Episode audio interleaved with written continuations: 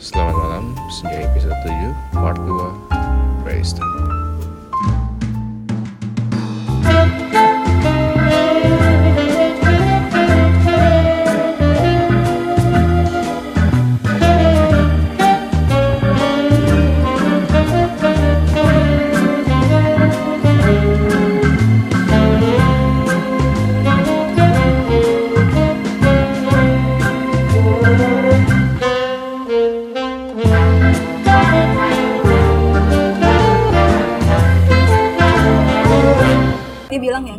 dia cerita kayak di sana itu pasportnya dibakar sampai mereka nggak iya. bisa pulang. Nah itu gimana paspor bibi lu yang Nah, dibakar? itu nanti dulu gue cerita lagi. Oke, siap. Kenapa tante gue bisa sadar? Nah, karena apa? karena suaminya. Jadi suaminya itu orang tuanya meninggal. Dia dapat kabar Hmm. orang tua eh, dia tuh tinggal punya kalau nggak tinggal punya ibu doang.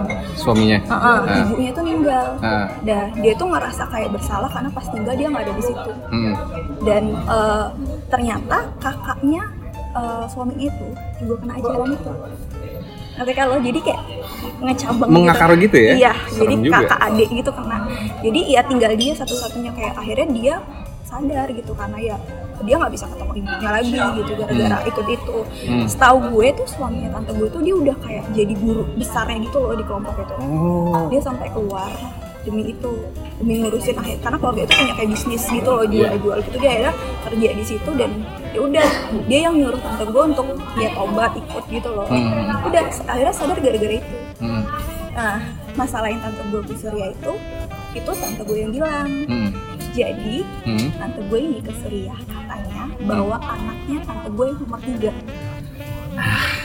keponakannya Gimana ceritanya bisa ke bawah tuh? kita nggak tahu cerita detailnya cuman Hmm. kita diceritain kalau dia itu ngebawa itu ngebawa jadi sebenarnya tante gue nomor tiga ini suka datang ke rumah sekarang sekarang ini Eh, kita tahu kita tahu dia belum sadar Hmm. kita semua pura-pura jadi Ah. kayak ya udah terserah lo gitu lo kalau mau datang ke sini nggak apa-apa ini orang tua lo gitu Hmm. ini keluarga lo ya kita nggak peduli lah lo Hmm. mau agamanya apa kayak gitu nah jadi eh, dan dia setiap datang ke rumah itu selalu kayak eh, dia bilang anaknya itu lagi di rumah padahal kita, dia nggak pernah ikut anaknya padahal kita Kita udah tahu ya. Nah, tapi kita diem aja kayak Iya. ah kita udah tahu kok ya udah bodo amat gitu kalau emang lo mau cerita syukur alhamdulillah Berarti itu anak kira-kira usianya berapa tuh? Eh, sekarang sekarang kira-kira.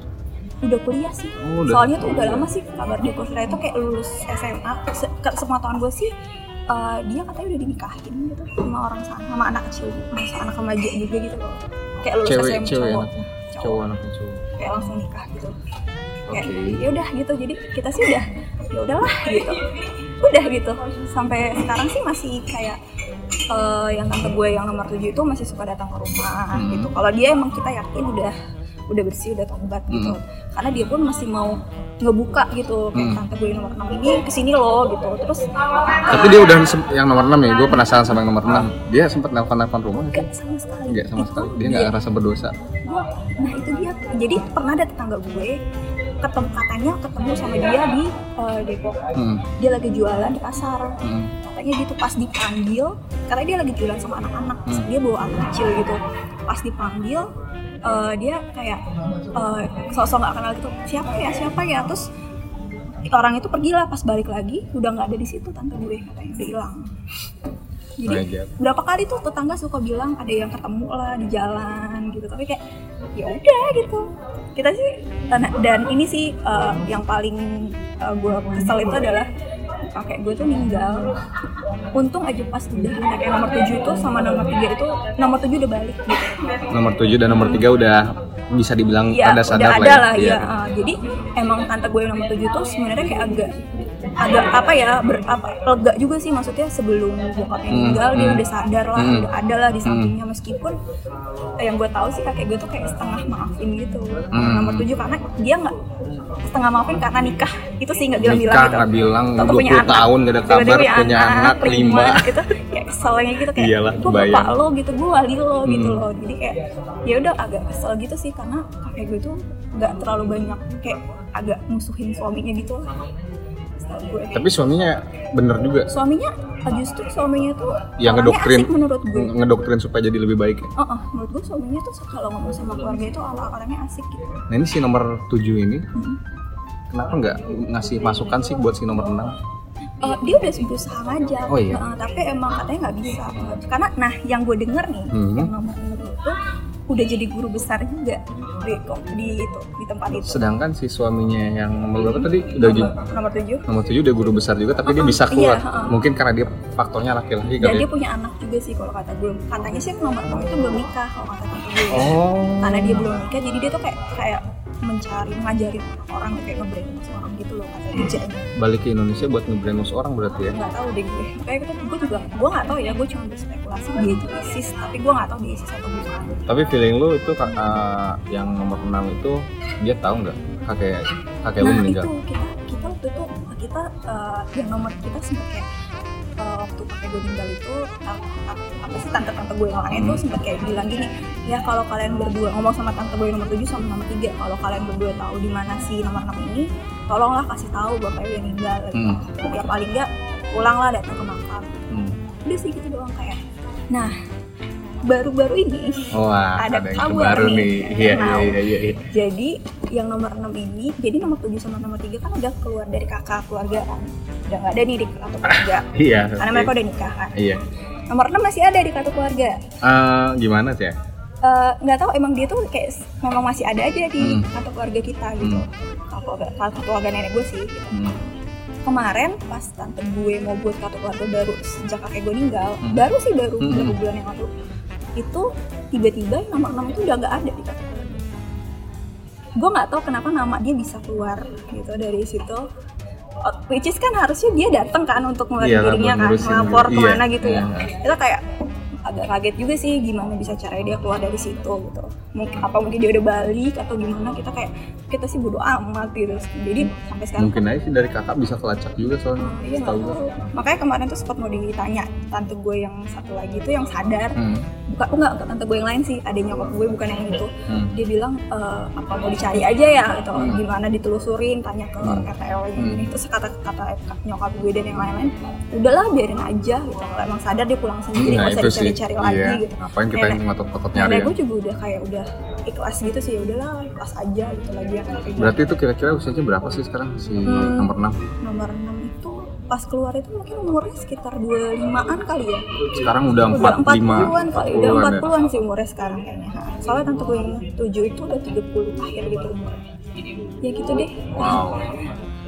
Gila ya. Amazing banget ya, sih. yang nomor 3 juga masih masih suka ke rumah. Biasanya mereka sebulan sekali. Nah, jadi kalau misalkan yang 3 nih sama 7 ketemu, mereka nggak ngobrol. Karena yang tiga ini tahu si 7 ini udah sadar. Oke, oke, oke. Jadi mereka tuh kayak ngobrol tuh cuma kayak sebatas Udah nggak satu doang. sinyal ya, udah iya, satu sinyal. Cuma nyapa doang gitu. Terus nenek gue tuh suka kayak pas lagi lagi heboh kayak pemboman pemboman gitu kan. Hmm. Nenek gue tuh orangnya terang-terangan kalau ngomong bener-bener di depan anaknya nomor 7 sama 6 itu sama keluarganya bilang pokoknya nggak boleh kayak gitu ya bunuh-bunuhin gitu dosa tau Hmm. gitu awas aja sampai kayak gitu pokoknya gitu deh terus kalau pengetahuan gue yang nomor 3 ini katanya Hmm. dia ini mau ke ikut ke sana juga ke Mau, Suriah. mau, mau pergi lagi. Iya. Waktu itu katanya mau pergi, Hmm. tapi karena urusan visa gitu. Ini suaminya gimana itu mau Nah, tiga? itu datang juga kok ke rumah baik-baik aja kalau sama kita tuh mereka tuh kayak biasa Enjoy aja gitu ya. Malah menurut gue kalau yang nomor tiga ini dia justru tante gue nomor tiga itu orangnya santai banget ngomongnya kayak nggak kayak kalau setiap ngomong tuh nggak yang tiba-tiba langsung habis ini lah enggak enggak kayak ngomong kayak orang biasa kayak kayak kayak orang dulu kayak kayak dia dulu lah gitu ngomongnya suka bercanda Hmm. cuma emang penampilannya udah yang ketutup gitu kan Hmm. suaminya juga malah dibanding tante gue nomor 7 nomor 3 itu lebih enak diajak ngomong tapi kita harus emang harus hati-hati sih Iya, benar benar. Nggak ada yang tahu kan ya. iya nggak ada yang tahu itu deh Wow. seru kan Enggak, tapi kayak ini kita gue ngobrol sih penasaran banget kan nggak semua orang yang dihijab dihijab sama dicadar tuh bahwa dia tuh Iya, nggak Islam radikal tapi eh sudah pendengaran gue bahwa tante lu mulai kerasa berubahnya setelah dicadar atau gimana gue nggak paham. ada tahapnya sih prosesnya jadi kayak ya mereka kayak Tapi eh, sholatnya lancar nggak sih oh, kayak gitu? nah itu Gua nggak tahu tuh gue kan. bingung gue dicadar tapi nggak sholat gue lupa ya? sih gue lupa waktu kecil dulu itu mereka itu gimana. Waktu itu soalnya gue masih kecil banget masih Hmm. kelas 4 SD Hmm. gue nggak tahu mereka sholatnya gimana atau gimana. Katanya sih ya juga baca Qurannya juga gimana gue juga nggak tahu gitu bener atau enggak ya gue nggak tahu gue waktu itu masih kecil. Pokoknya intinya ya mereka main melenceng aja gitu.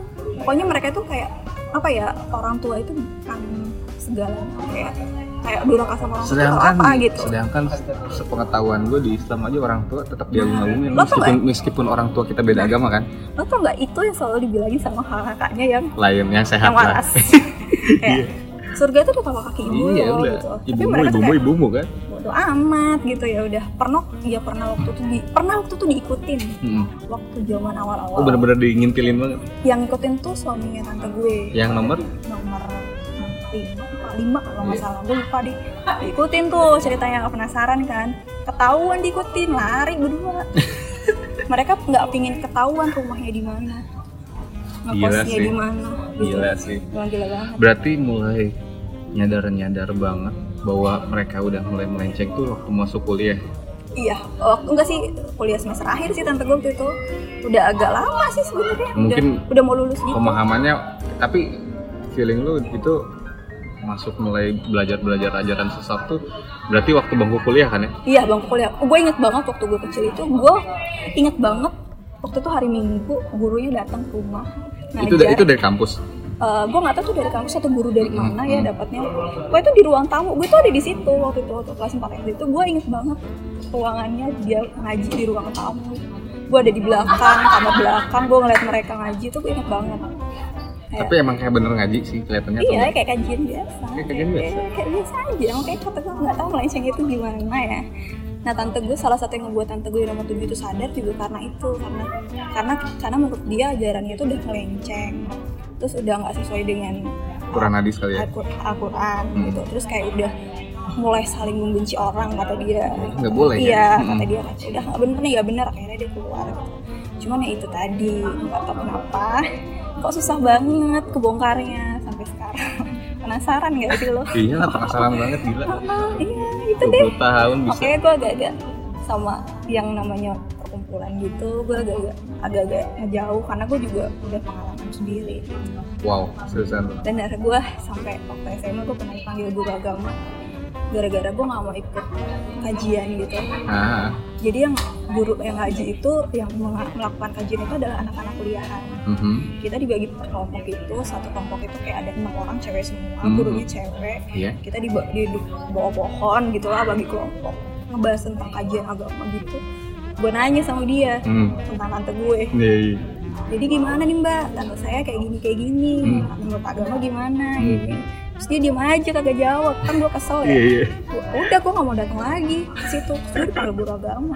Untungnya aku eh, eh, lu gak berpikir positif thinking bahwa dia nggak mau jawab takut salah ngomong kan? Ya gue gak poin sama anak SMA, anak Eh, SMA iya, ya iya. gimana ya pikiran anak SMA baru lulus SMP ya.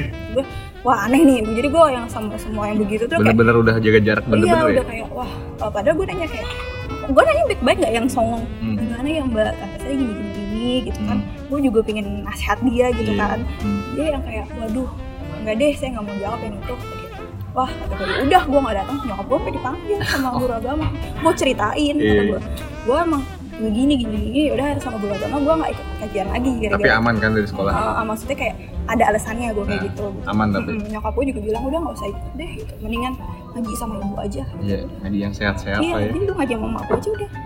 Gak ikut yang lain-lain.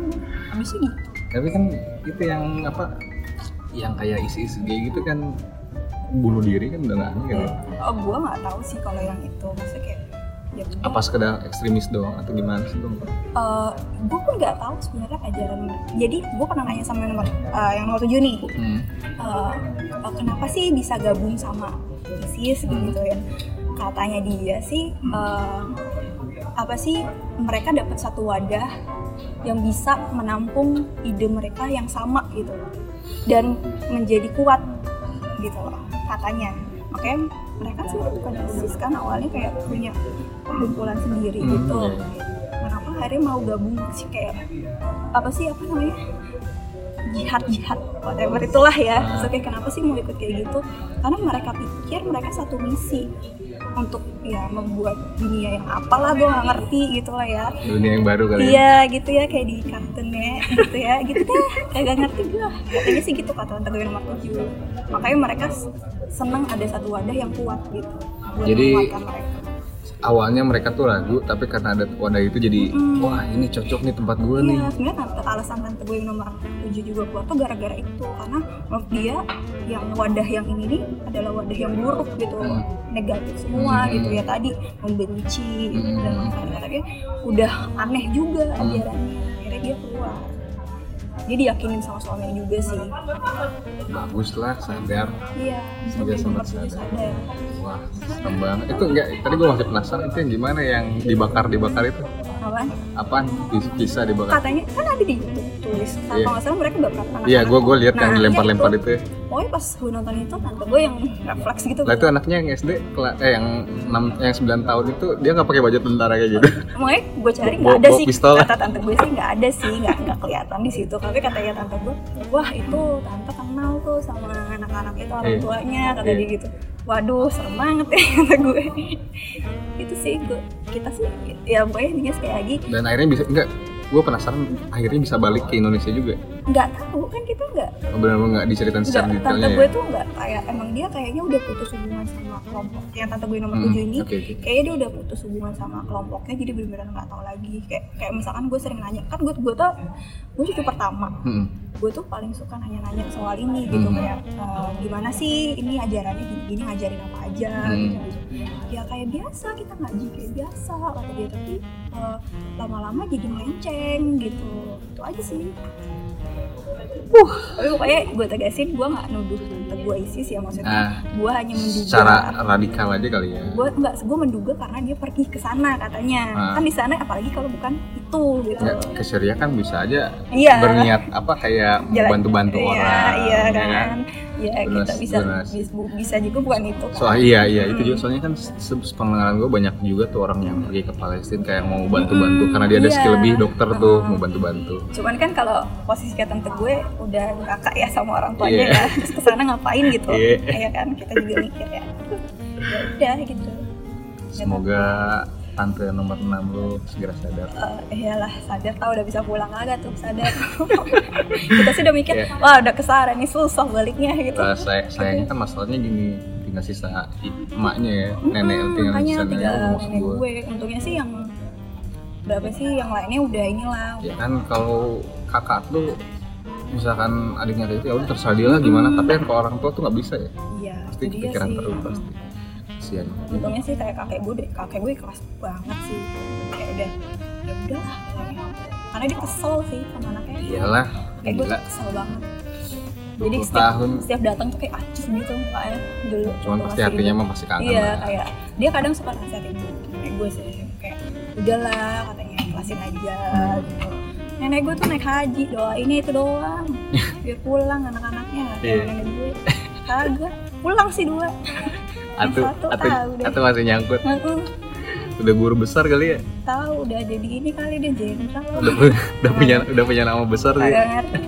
Jadi Emang mungkin kalau dia udah punya anak udah nikah punya watak eh, bukan punya mikir kali ya iya karena katanya sih dia belum nikah ya katanya. takut aja mungkin ya si nomor tujuh kan Mm-mm. udah punya anak lima wah Iya. anak gua nanti kalau bunuh diri gimana Nah nih? itu sih salah kayak satu gitu. yang nyadarin dia juga Iya. itu katanya untung aja nggak ada di situ kalau coba kalau belum sadar gue inget banget tuh dia ngomong di sebelah gue Hmm. coba kalau tante belum sadar itu si ini bisa ada di situ tuh semuanya katanya bisa Oh. ada di situ tuh berdiri megang-megang pistol katanya Nah, pendapat tuh gimana tuh kan banyak tuh yang apa orang-orang ex ISIS yang pengen balik ke Indonesia dan nggak bisa tuh gue sih udah anti gituan ya Iya. jangan balik lah gitu biarin aja tapi lo tau gak sih kalau nenek kan suka dulu kan sebelum yang ada berita ini kan Hmm. katanya pernah ada beberapa pulang tuh iya iya iya. yang masuk berita ya. Nah. Lo tau gak nenek gue tuh mantangin TV diliatin itu anaknya bukan nomor 6 apa pakai cadar kan Iya, kelihatan ya? tapi kan sadar kali. Kagak tahu dah kata gue gue emang bisa ngenalin kata gue begitu. Mana cuman disensor apa sih disorot sebentar gitu ya saking ngarepnya ya. Iya.